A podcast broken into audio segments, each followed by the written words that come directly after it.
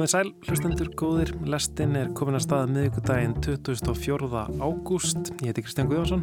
Og ég heiti Lóa Björk Björnstóttir og ég lestinni í dag samfélagsmiðlinn Be Real A24 og Rave Drottning í Los Angeles. Já, dreifinga og framleiðslu fyrirtækið A24, A24 hefur á undarförnum áratug stimpla sig inn sem eitthvað að framsagnasta og svalasta í kvikmyndabransanum. Nafn fyrirtækisins er kannski ekki endilega gæðastimpill en frekar svona lofórðum að eitthvað óvenjulegt og óvænt muni eiga, sér stað á skjánum.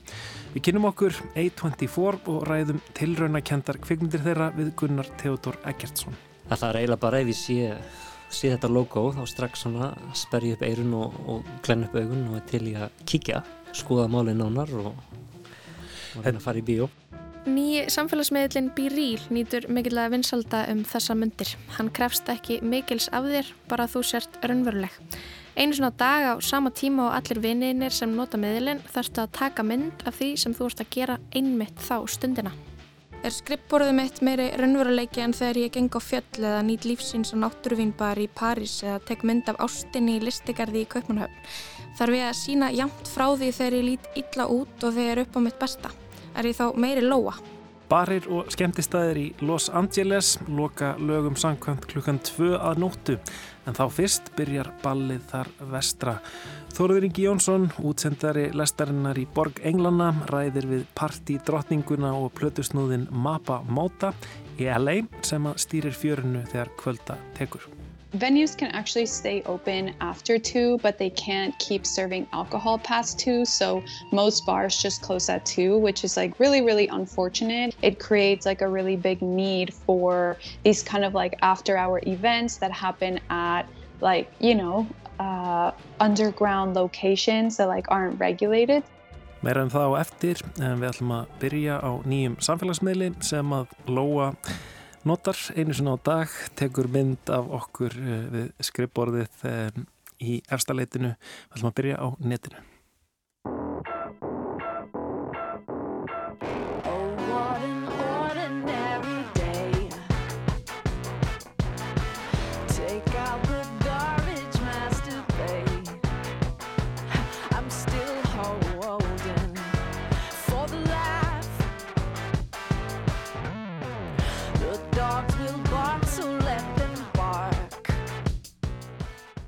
Er með frábærar frettir. Það er komin nýr samfélagsmiðl. Nýr eða nýlegur. Samfélagsmiðlinn íl, stórst B og stórst R verður unveruleg, sönn, ekta eða alvöru skipar á nokkur. Undirlegjandi skilabóðin eru eitthvað sem öllum er sannilega lungu orði ljóst. Samfélagsmiðlar eru gerfi, þú sínir glansmynd, þú ert ekki raunveruleg.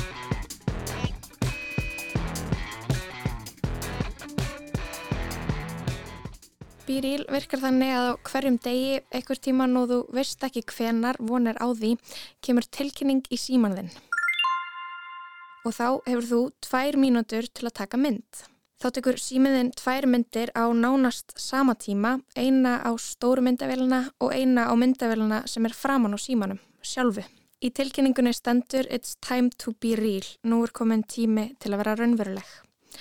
Þú sýnir nákvæmlega hvað þú ert að gera þessa stundina á sama tíma og allir vinnir þínir og appið lofar því að þetta sé new and unique way to discover who your friends really are in their daily life. Ný og einstök leið til að komast að því hverjir vinnir þínir eru raunverulega í sínu daglega lífi. En svo er líka hægt að byrta setna. Einhver tíman þanga til næsta bírílstund rennur upp. En það er ekki nógu gott, það er ekki tilgangurinn með appinu. Þú átt ekki að býða með að byrta myndina þangar til að þú ert að gera eitthvað sem er nógu flott til þess að hljóta byrtingu á netinu. Það er samt ekki bannað en þykir hallaríslegt. Eins og það er hallaríslegt að taka búmerang af koktelum að skála og skrifa aðeins að leifa sér, eitthvað þannig. Það er ekki það sem þetta app gengur út á.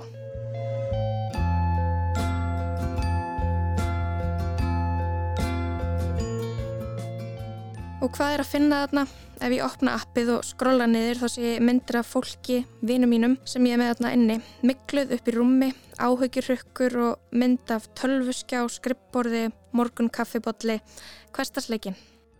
Samfélagsmiðlinn fór í loftið 2020 og var lítið vinsæl þanga til snemma árs 2022. kynsloð seta tók appinu opnum örmum en svo kynsloða líka heilt yfir virkari á öllum öppum, unga fólkið og úlingarnir.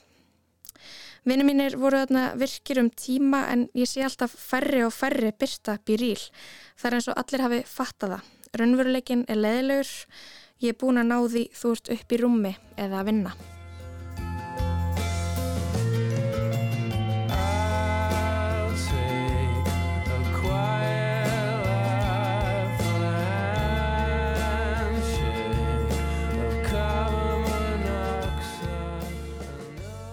Appið kemur frá Fraklandi búið til af Alexis Barayat. Á Twitter er hann með tæpa 900 fylgjendur og efsta týstið hans er retweet frá Elon Musk þar sem Elon Musk bendir á að appið Truth Social sé nú vinsætla á App Store en Twitter og TikTok. Það er líka appið BeReal í fjörðarsæti vinsætla en TikTok og það er sannlega ástæðan fyrir þessu retweeti frá Alexis. Skjáskotið er frá því april en í dag, 24. ágúst, í Íslenska App Store er appið í áttundasæti, efust af öllum samfélagsmiðlum. Fólk er enn að sækja sér þetta örst vaksandi app. En það sem er líka áhugavert við þetta týst Alexis og Elon er að appið Truth Social kemur frá engum öðrum en Donald Trump og er eitthvað skonar mótsvar við Twitter og þeirri rittskoðun sem ásist að þar.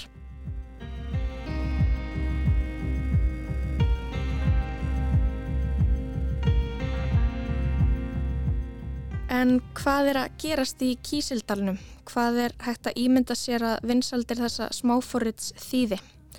Í júli 2022 voru um 20 miljónir notendur búin að sækja forritið.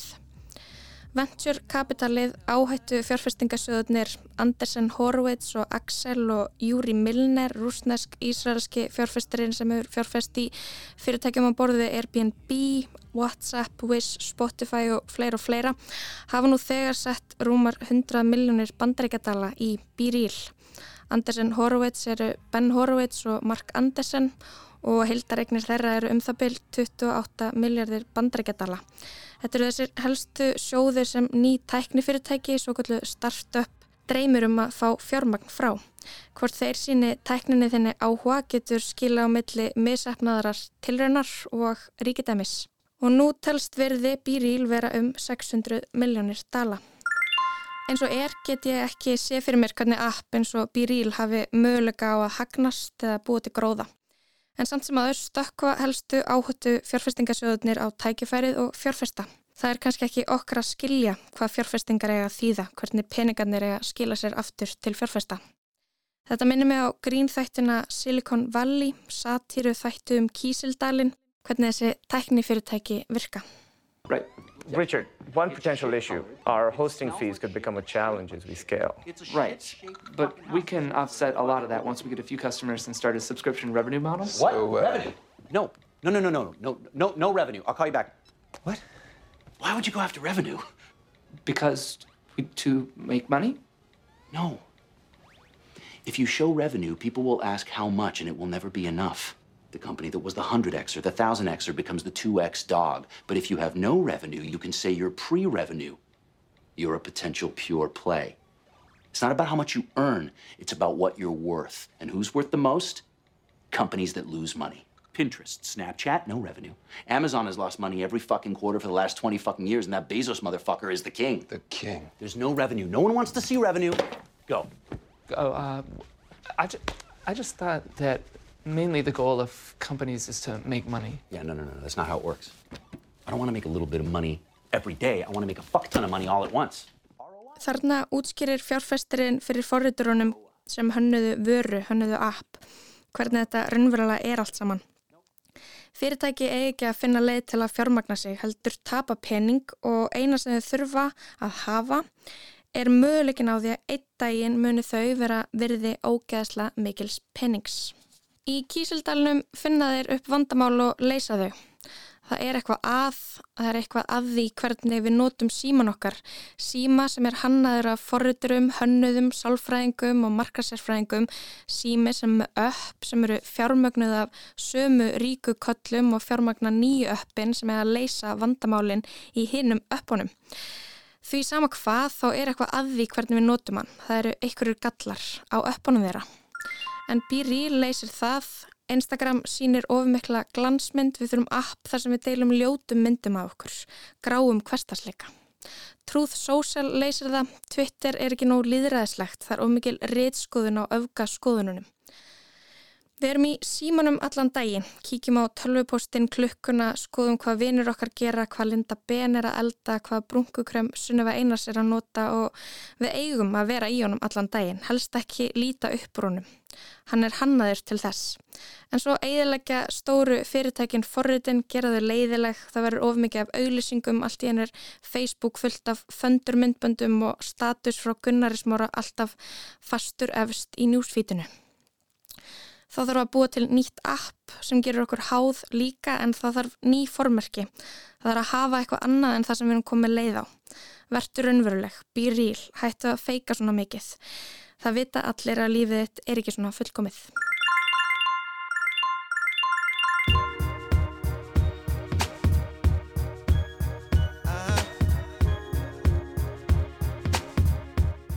En þá þarf Instagram að gera eitthvað, eitthvað sem þau eru vun að gera. Það fara þau að þróa nýjan fítus sem á að gera það sama og býrýl. Tvær myndir í einu á sama tíma, en þau kallaða eitthvað hallarslegt, kallaða IG Candid Challenges. Og þegar það er tilbúið þá verðum við öll komin með býrýl á Instagram. Þegar stóru fyrirtækinn þurfa að herma eftir því sem gengur vel í öðrum öppum, Við getum bara sendt vídeo og sett í stóri á Instagram út af því að Stanford nefnandin Ivan Spiegel fann upp Snapchat og sömulegis er Reels á Instagram bara til út af TikTok. En kynsluð setja elskar TikTok og hata Reels því að Meta, Instagram og Facebook gerir það sem TikTok gerir nema bara verð lélæri algoritmi og lélæra efni.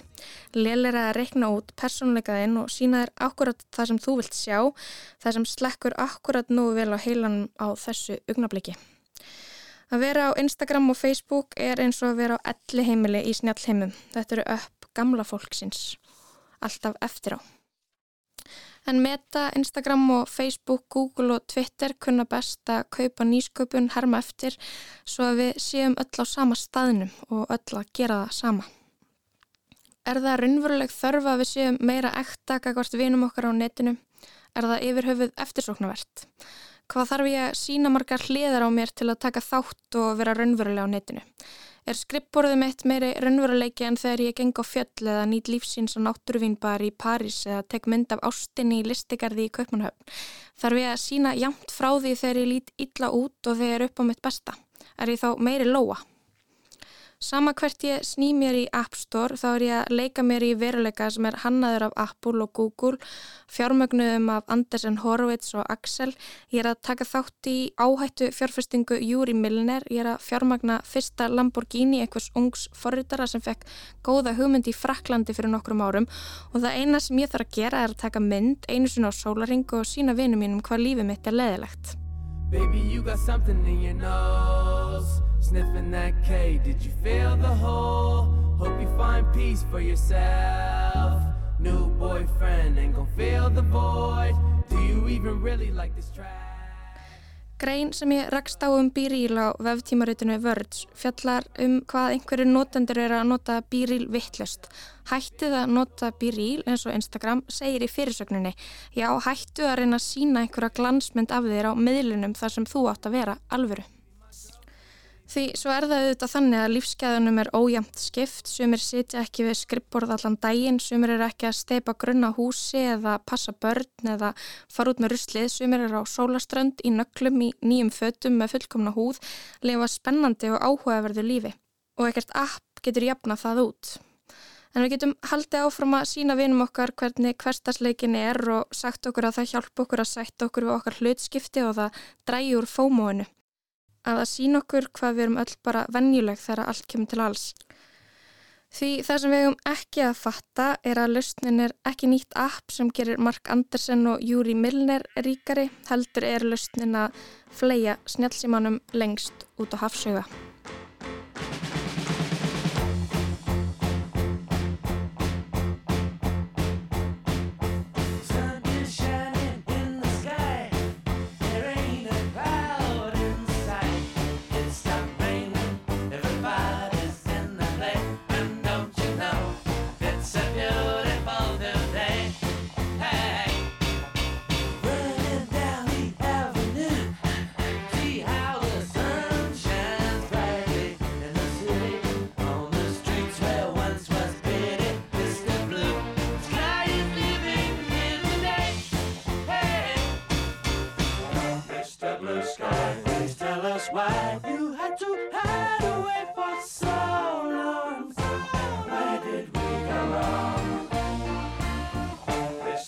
Story. Please tell us why you had to hide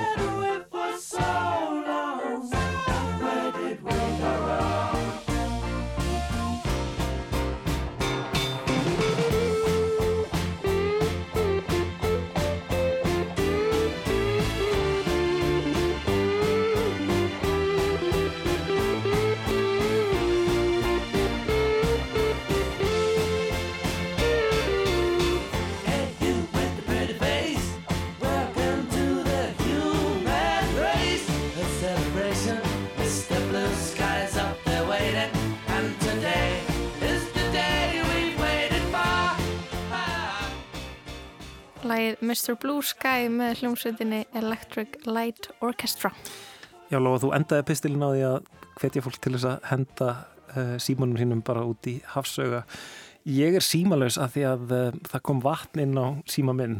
Já, þú, þú verðist ekki sjá hvað það er mikil gjöf, heldur ertu búin að vera að leita að nýjum síma síðan það gerist. Já, nákvæmlega. Ég ætla, að finna mér nýjan síma. En málið er að ég kemst ekki neitt á þess að hafa síma minn. Ég kemst ekki í strætó, ég kemst ekki inn á bankareikningi minn til þess að setja peningin á kortið mitt, þannig ég get ekki keift neitt. Jú, nema að þú sért á staðnum og þú getur alveg borgað með pening í strætó. Jú, þú getur bara vissulega, já. Mhm. gengið út í banka og tekið pening út og átt reyðið fyrir. Ég held að þú sért ekki að sjá hvað þetta er mikil gjöf. En sko bankarnir, uh, þeir eru ekki lengur með svona þjónustu uh, sem maður getur gengið inn á. Það er bara svona einu, tveimur stöðum í borginni. Ég held að þú þurfa að bóka. Það er að bóka og örgulega með símanum, það er að bóka með símanum. Þannig að án síma þá er maður bara gjörsamlega, uh, bara maður getur ekki gert neitt. Er það ekki bara það sem síminn vill á haldir og þú getur ekki lifað af ánans en svo ertu samt búin að vera þetta, mæti vinnuna og, og Vissulega. allt hefur bara gengið ágætlega. Þokkalega, ég reyndar þurft að syngja nokkur símtöl hjá þér Já. ég þurft að syngja í viðmælendur. En ok, hérna, nógum það. Við ætlum að um, fara vestur um haf til Los Angeles. Þórar Ingi Jónsson hefur verið að sökka sér ofan í danstónlistar og reif menninguna í LA og hann sendir okkur innslag þar sem hann ræðir við partydrottninguna og plötusnúðin Mappa Móta Well, my name is Mapamota. Um, my real name is Karen. And um, yeah, I live in LA and I promote after hours parties. Skemmtanalífið hér í Los Angeles er töluvert litað af allskynns lögum og reglum eins og þeirri staðreind að barir og skemmtistæðir mega ekki vera opnir samkvæmt reglunum eftir klukkan 2 á nóttunni. Með lögum skal land byggja. Svarið við þessum eru ólöglegir klúpar og partí sem taka við þegar löglegir klúparnir eru búinir að loka. Karen Achar Galindo vinnur við að halda slík eftirparti eftir lokun en hún kallar sig Mappa Mota og er orðin þekkt í bransanum.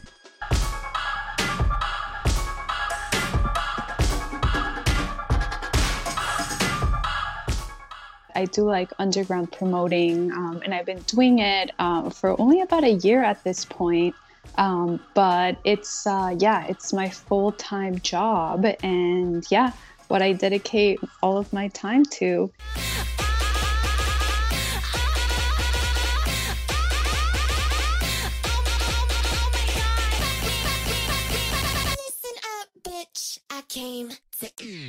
So in LA, as maybe you don't know back home, but in LA, uh, venues can actually stay open after two, but they can't keep serving alcohol past two. So most bars just close at two, which is like really, really unfortunate. It creates like a really big need for these kind of like after hour events that happen at like, you know, uh, underground locations that like aren't regulated.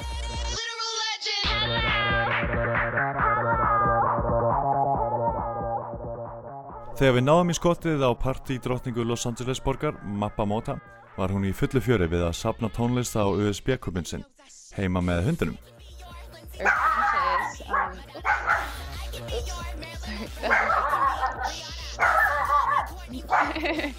Mappa Mota er fætt í Mexiko og alinn þar upp til 13 ára aldurs en flutti síðan hinga til Los Angeles borgar og óksur grasi hér.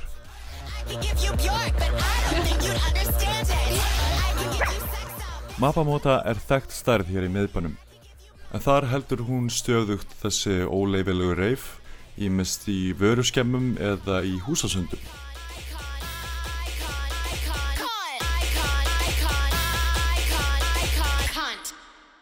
Almost on any day of the week there is an organized party somewhere in the LA area.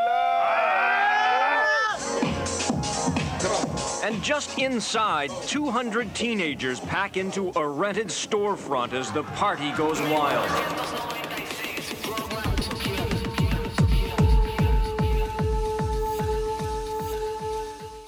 Mappamóta sinnir engu öðrum nema að þeita skífum og halda partí.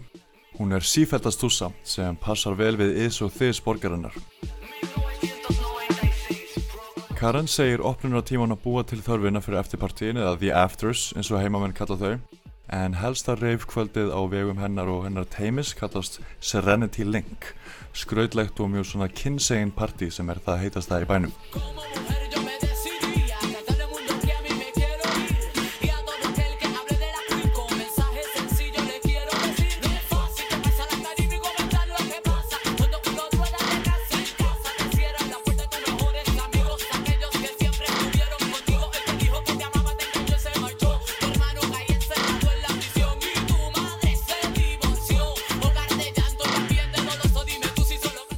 Tónlistin sem þið heyri hér er einmitt mix frá Mappamóta sjálfri af uh, Ivy Queen frá Puerto Rico sem að uh, gerði garðin frægan með reggaeton tónlistinni.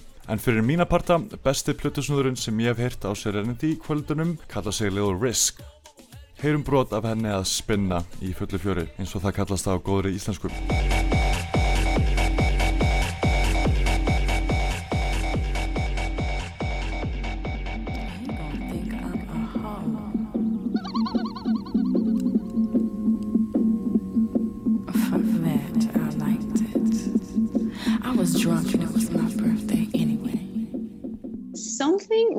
Really gets like ignited like at these like parties especially at serenity link like i'm really not sure what it is but like it's just something that gets like ignited and just like seeing like the djs like fully fully engaged like with the crowd like going crazy and just like having like a spiritual experience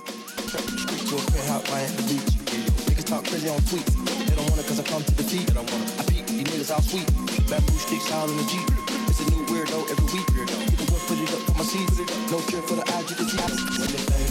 and like just you know seeing people like just like smiling and like literally like crying like and just like really uh, like you know allowing their bodies to like take over and like really like moving like in this kind of like really beautiful interaction that happens like between the DJ and crowd I think is honestly what gets me out of bed every single day and gets me yeah going because um yeah it's a lot of hard work. But yeah just seeing people engaging like that and like yeah just seeing that like magic happen is really is really it for me honestly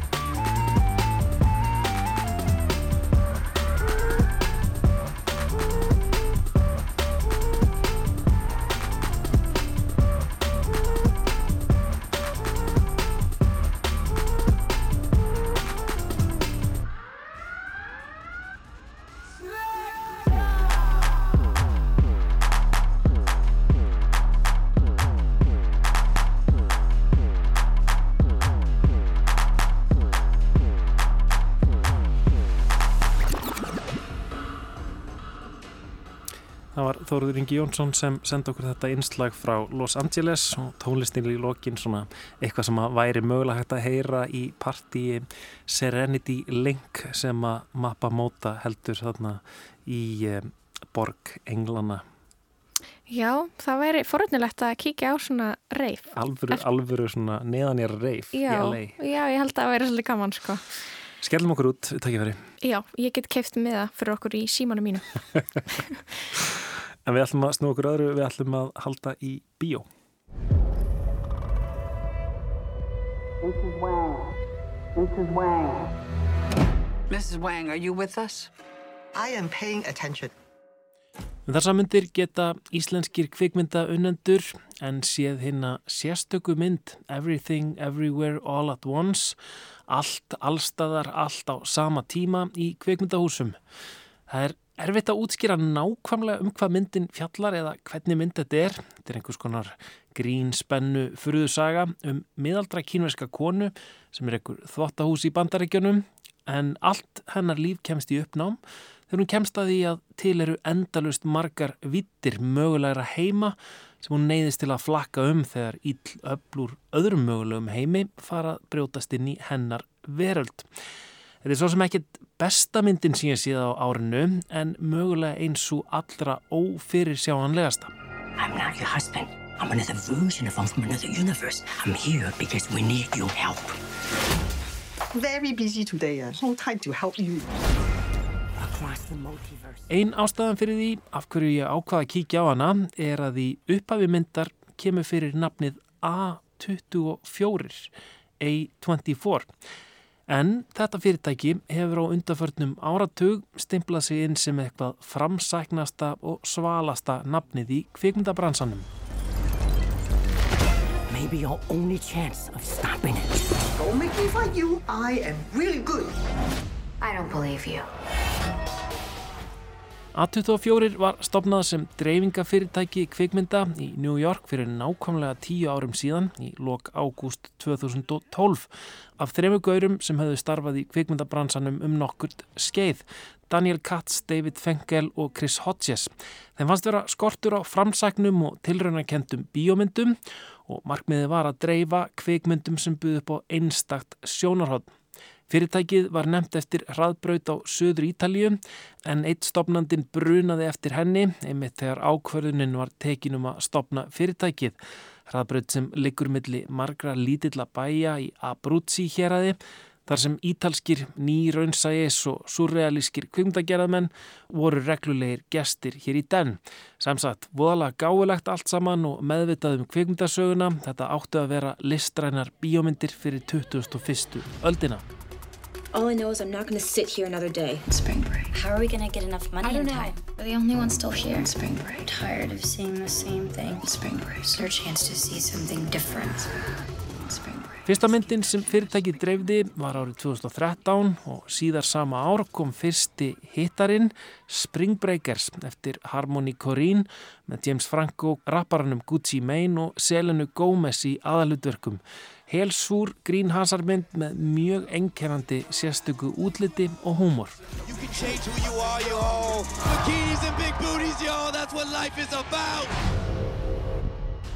Eftir góða byrjun voru þeir félagar komni með samninga við streymisveitur um að taka við myndunum um leiðuðar kláruðist í bíó og fengu góða dreifingu á vott myndalegum.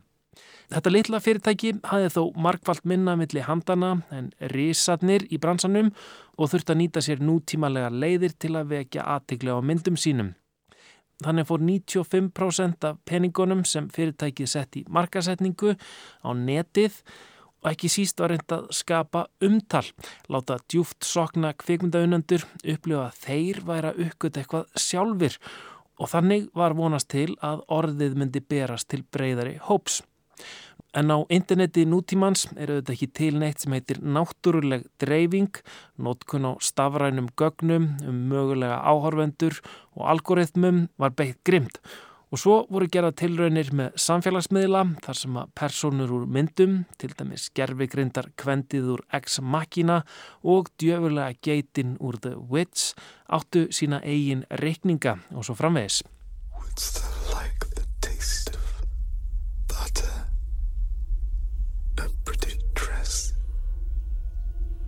What's that like to live deliciously?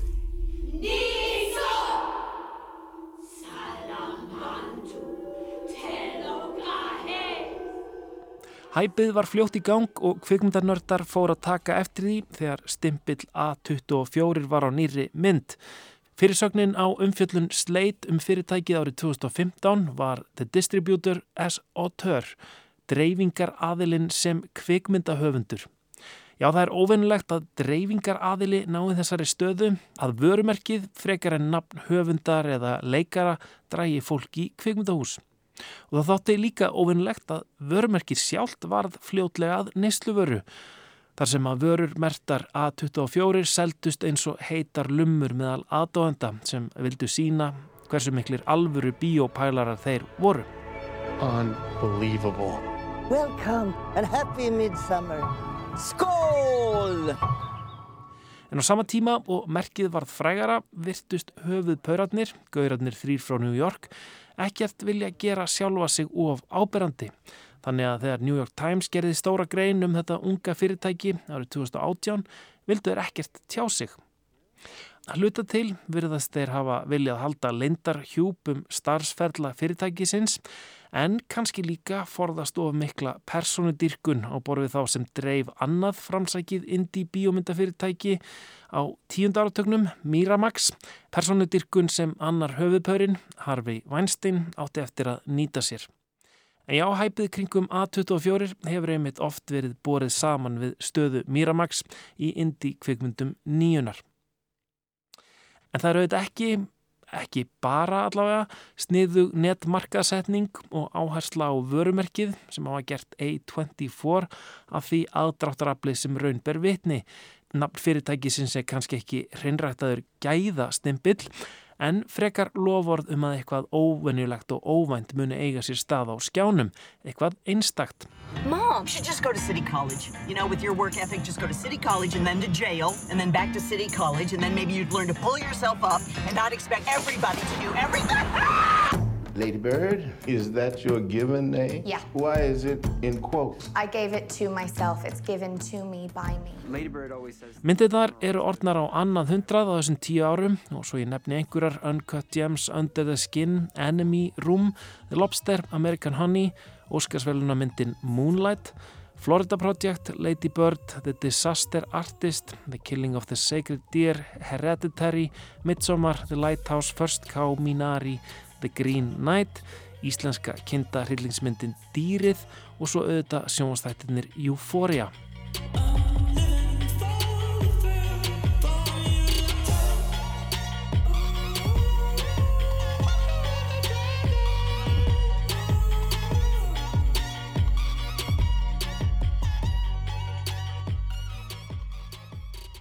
Gunnar Teodor Eggertsson, rithöfundur, kvikmyndafræðingur og fyrrum kvikmyndagagrindi hér í lestinni. Mhm.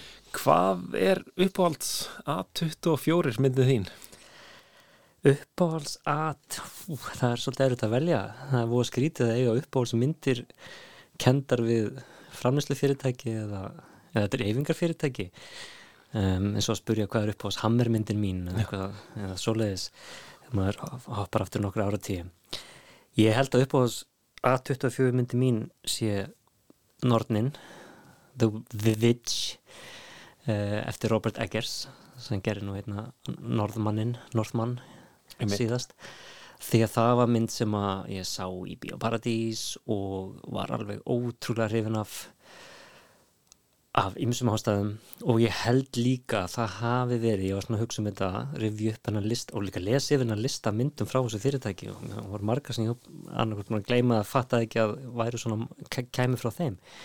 En það var heldur svona fyrsta skipti sem ég tók eftir þessu þessu nafni og, og fór svona að fatta að já, nokkra aðra myndir sem ég var mjög hrifin af líka og voru með sama sama logoið fremst og, og svo einhvern veginn er þetta búið að þróast þannig að það er eiginlega bara ef ég sé, sé þetta logo þá strax svona sperri upp eirun og, og glenn upp augun og er til í að kíkja, skoða málið nánar og, og reyna að fara í bíó. Já, eh, sko, er þetta ekki í rauninni mjög óvenjulegt að, um, að fyrirtæki sem eru uppfélagna dreifingafyrirtæki og, og, og sinnir því en, en framleiði líka bíómyndi núna að það einhvern veginn nái að skapa sér svona stert uh, merki á tíu árum að einhvern veginn að, að það þykir ekki fáránlegt að spyrja hvað er er uppáhalds? A24 myndin? Já, nákvæmlega um, Það er kannski, það er nú alveg örgulega að svona órannsökuðu máli örgulega til önnu dæmi um þetta, ég, allavega mér dettur í eins og Miramax á tíunda áratugnum sem var svona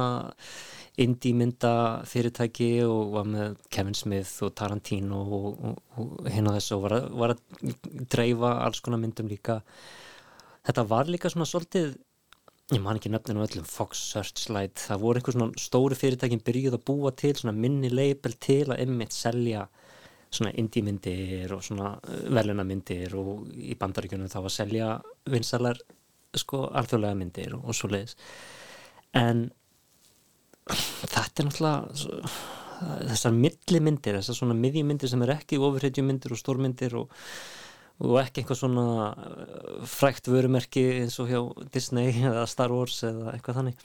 Þessar millimyndir er alltaf í svo mikið hættu, það er alltaf verið að tala um það það er sé að hverfa, það sé ekki lengur verið að fjármagna svona, svona, svona myndir sem eru ekki algjörlega hræjótýrar en heldur ekki svona stórmyndir af því að það er svo erfitt að græða þeim og svo erfitt að koma þeim í bíó. Og það hefur verið eitthvað tómarum uh, og það er í rauninni ótrúlega góðan réttir og bara hressandi að sjá að, að, að eitt fyrirtæki geta einhvern veginn opnað það minn fyrir leikstjórum sem vilja gera einhvað nýtt eða gera einhvað ögrandi eða spennandi eða óvenjulegt og skrítið og, uh, og, og ná að lokka það til sín og ná að, líka í leiðin að lokka til sín áhörundur Mhm. Einmitt. Þú, þú nefndir hérna The Witch eftir uh, Robert Eggers. Eggers, um, það er svona, já, sagfræðileg hryllingsmynd. Hérna, er eitthvað hægt að segja um, sko, já, hvað einkennir svona þessar myndir frá A24, A24? Ég, ég sko, eins og ég segi, ég rendi við listan af öllu sem að maður sá svona inn á vefsíðinu þeirra og þetta er rosalega, þetta er rauninni miklu fjölbreytilega en ég held að því ég bara kemur mínu hotni sem er svolítið mikið hryllingur og furðumyndir og, og svona furðusögur uh, og það það sem dró mig að þessu merki þegar ég fór að hérna tengja við myndir eins og Ghost Story og Midsommar hina myndir Robert Eggers eins og Lighthouse Saint Maud um, Green Knight sem kom fyrir nokkrum árum allar þessar virkilega óvenjulegu skrýtnu myndir. Um, þannig að einhverju leiti já uh, þau er að gefa skrýtnu kveikmyndi gera fólki frelsi til að segja skrýtnar sögur og öðruvísi sögur en það er alveg óþara að tengja þetta bara við hrylling og furða það eru alls konar aðra myndir hérna líka sem samt eiga það sagmynd að vera með svona sterkar leikstjórarattir og augljóslega svona mikinn stíl. Og uh, ég tók saman nokkrar hérna frá síðustu árum sem að, sem að voru tengdar þeim.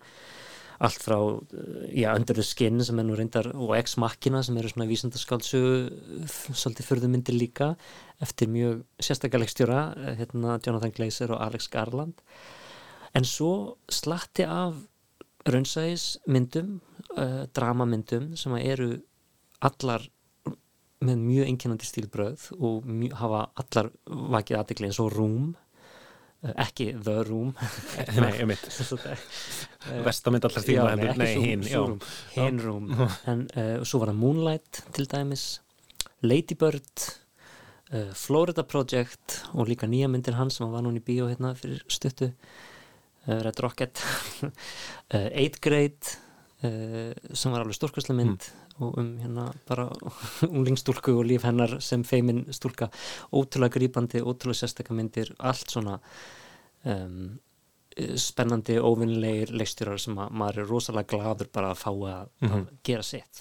Þannig þannig að sko þegar maður sér þetta vörumerki A24 þá er þetta kannski ekki eins og sko vörumerki Star Wars eða Disney þar sem að maður veit svona svolítið að hverju maður gengur Nei, heldur meira kannski að maður veit að maður fær eitthvað sem er svolítið sérstakt Já, eitthvað eftirminnilegt sko. Veist, það er ekki að vera einmitt, svona, ekki vera að mata þig á þessu sama og sama þú, það, er rauninni gott að jú, þú gengur að því að þú munt fá eitthvað áhugavert eitthvað spennandi, eitthvað óminnilegt og um, ég var til dæmis svo gladur þegar ég sá að dýrið eða lamb hérna ha, hafi ratað til þeirra því að um leið og einhvern veginn ég sá að 24 voru konum með hana þá, þá hugsaði ég, vá, þetta er, þetta er rosa þetta fannst mér alveg útrúlega mikla fréttir sko, því þá veit ég að einhvern veginn, það treystum ára það að hún getur rat, svona, svona óvinnileg mynd getur ratað til sinna Einmitt.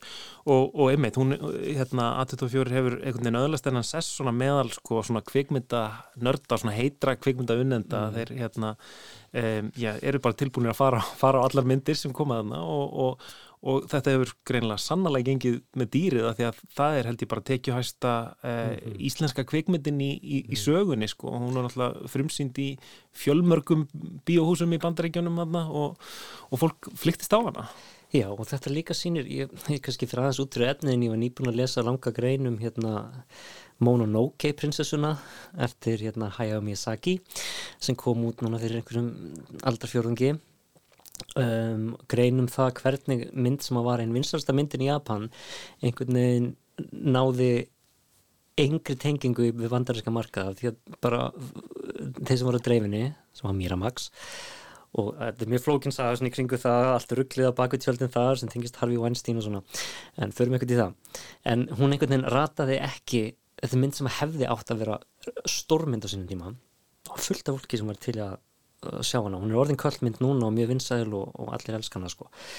En á þeim tíma, ég vissi ekkert hvernig átt að marka setja hana og uh, mitt Neil Gaiman fantasíuhöfundur tjáði sig í þessari grein um það. Bara ef þeir hefðu bara einhvern veginn pikkað í rétta fólkið Mhm. þá hefðu hún orðið risastór, það þurfti bara að fatta einhvern veginn hvað þau væru og það og A24, þú veist, ef Mononoke kemur núna og færi, það er einhvern veginn búið að búa til svona smá stimpil sem segir, þú veist, þetta er fólkið sem, hérna, veist, þið hafa áhuga svona áhugaverið skriftinni kveikmyndagerð um, og, og þá, þá, þá vitið einhvern veginn Já. að þið getið farið þangað. Þetta verður næstu því sko eins og svona ákveðin eh, þú veist, streymisveita í bíó finnst manni skilur, það er svona verið að ekki, það er svona, komur að segja kannski fyrir eitthvað svona kúratór sko, það er verið Já. að velja maður treystir því bara, það er verið að velja svolítið listrænt onni þig og, og það er vorulega gott. Og að þetta sé að rata í bíóhús er náttúrulega stórkoslegt um, Einmitt. að því þess að millimyndir sem að allavega hefur verið talað um að jú fái kannski greiðastæða pláss í streymisveitunum. Þú veist, það er ekkert endilega örugt skjól, það er allt svona búið að vera svolítið í rugli með það núna upp á, síkastið þannig að við, líka við sem áhörundur þurfum bara að vera rosalega glöð að það sé, þessar myndir sé komið í bíó og það sé verið að, að gera svona plattform fyrir þær sem við getum nálgast þær og, og séð eitthvað, já óvenjulegt Einmitt.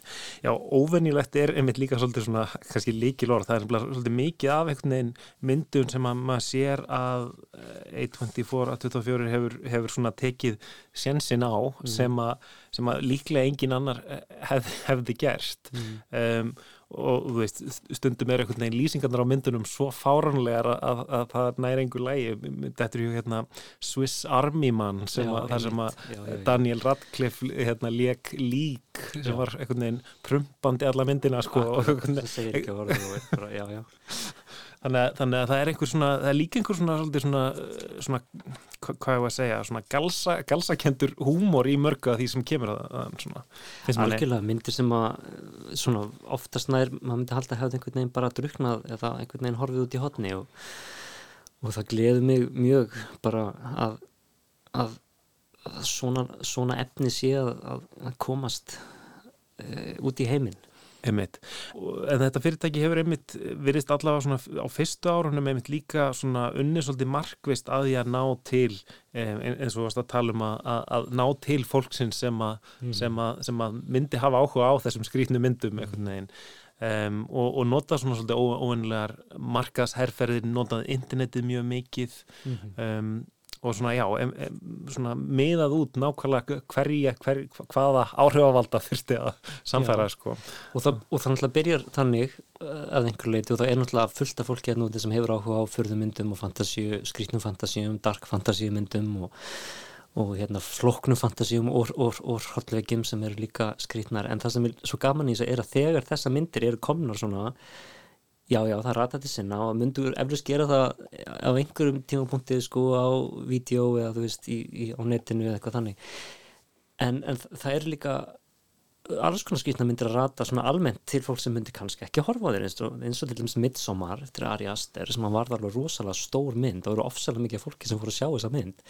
Uh, alls konar fólk sem að ég hef talað við sem að líklega hefði ekki hort á já, hrollvekju svona ógislega eins og þessa um, um svona sænskar þjóðhefðir eh, sem einhvern veginn, af því að hún var bara svona mynd sem að tala um og, og, og þú veist, af því að, af því að þú veist, góða myndir eru góða myndir og áhugaður myndir þó að þessum svolítið þvert á sko hvort það séu einhvern veginn hrollvíkjur eða fantasíur eða raunsæðist drama um unglinga veist, um, og, og bara góð kvikmyndagerð heillar fólk þannig að Mhm. hérna, það er líka svo gott í þessu að það- hún, með þessum stimplið þegar það er fyrirtæki nær svona svona stóru sviði eða svona mikill áheyrn og áhorfi þá, þá, bara, þá er bara nýtt fólk sem, ekki inn við nýtt efni og, og það er alltaf gott að augra manni augra, augra sjálfan sér sko Einmitt.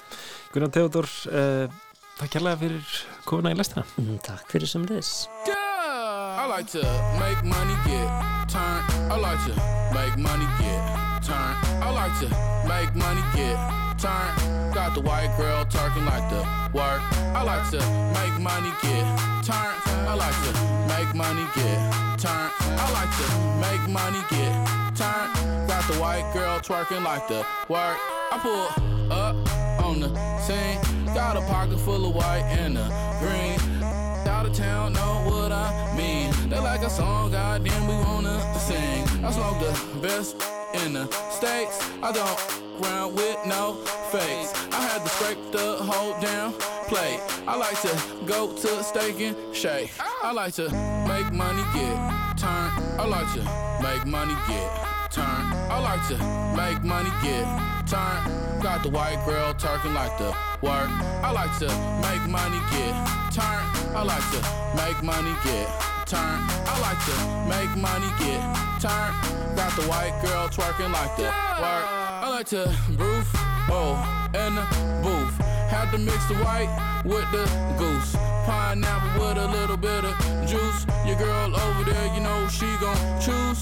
We the winner, natural born sinner. Come off in the like, yeah, what's for dinner? Eat these chumps up and spit them back out. I'm the hottest in the north and the south now. I make money and get turned. Spend it all at the bank. Put it all on dank. We don't play no games. I like to make money, get turned. I got the white girl twerking like the work. I got my work twerking like the little white girl. I used to make it all off the white girl. Now I just make money, get turned. I like to make money, get turned. I like to make money get turned. Got the white girl twerking like the work. I like to make money get turned. I like to make the money get turned. I like to make the money get turned. Got the girl twerking like the work. I like the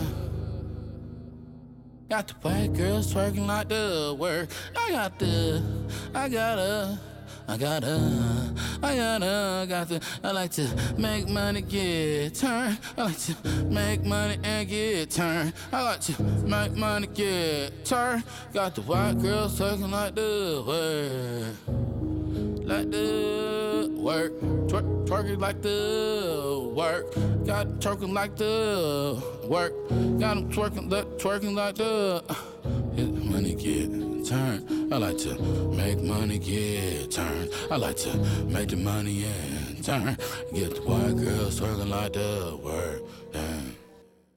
Lægið I Like To með rappurunum Carnage og I Love Makkonen. Takk fyrir þetta, Lóa. Ég þurfti smá aðstof með um, framburinu á þessu.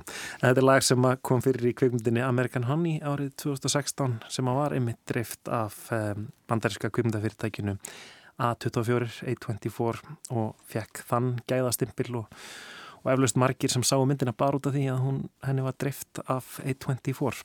Emmitt. Og það var einhver mynd sem uh, þú sást og varst mjög annað með. Var það sá- ekki? Þetta var eitthvað svona, Jú, finnst hún góð. eitthvað svona on the road. Já, nútímans. svolítið svona nútíma, já, nútíma on the road. Þetta voru svona vandræða unglingar uh, í bandaríkjónum um, sem kom úr fátækum, fátækum fjölskyldum og voru svona hálkiri svona júróhippar að ferðast um bandaríkin og nota vímaöfni og vera almennt bara týndir og, og svona Svona stemmingsmynd. stemningsmynd. en um, já, við erum komin að leðalokum í dag, verðum við aftur á sama tíma á morgun. Ég heiti Kristján Guðjónsson. Ég heiti Lóabjörg Björnsdóttir og tæknumæður var eins og lang oftast Litja Gretastóttir. Verið sæl.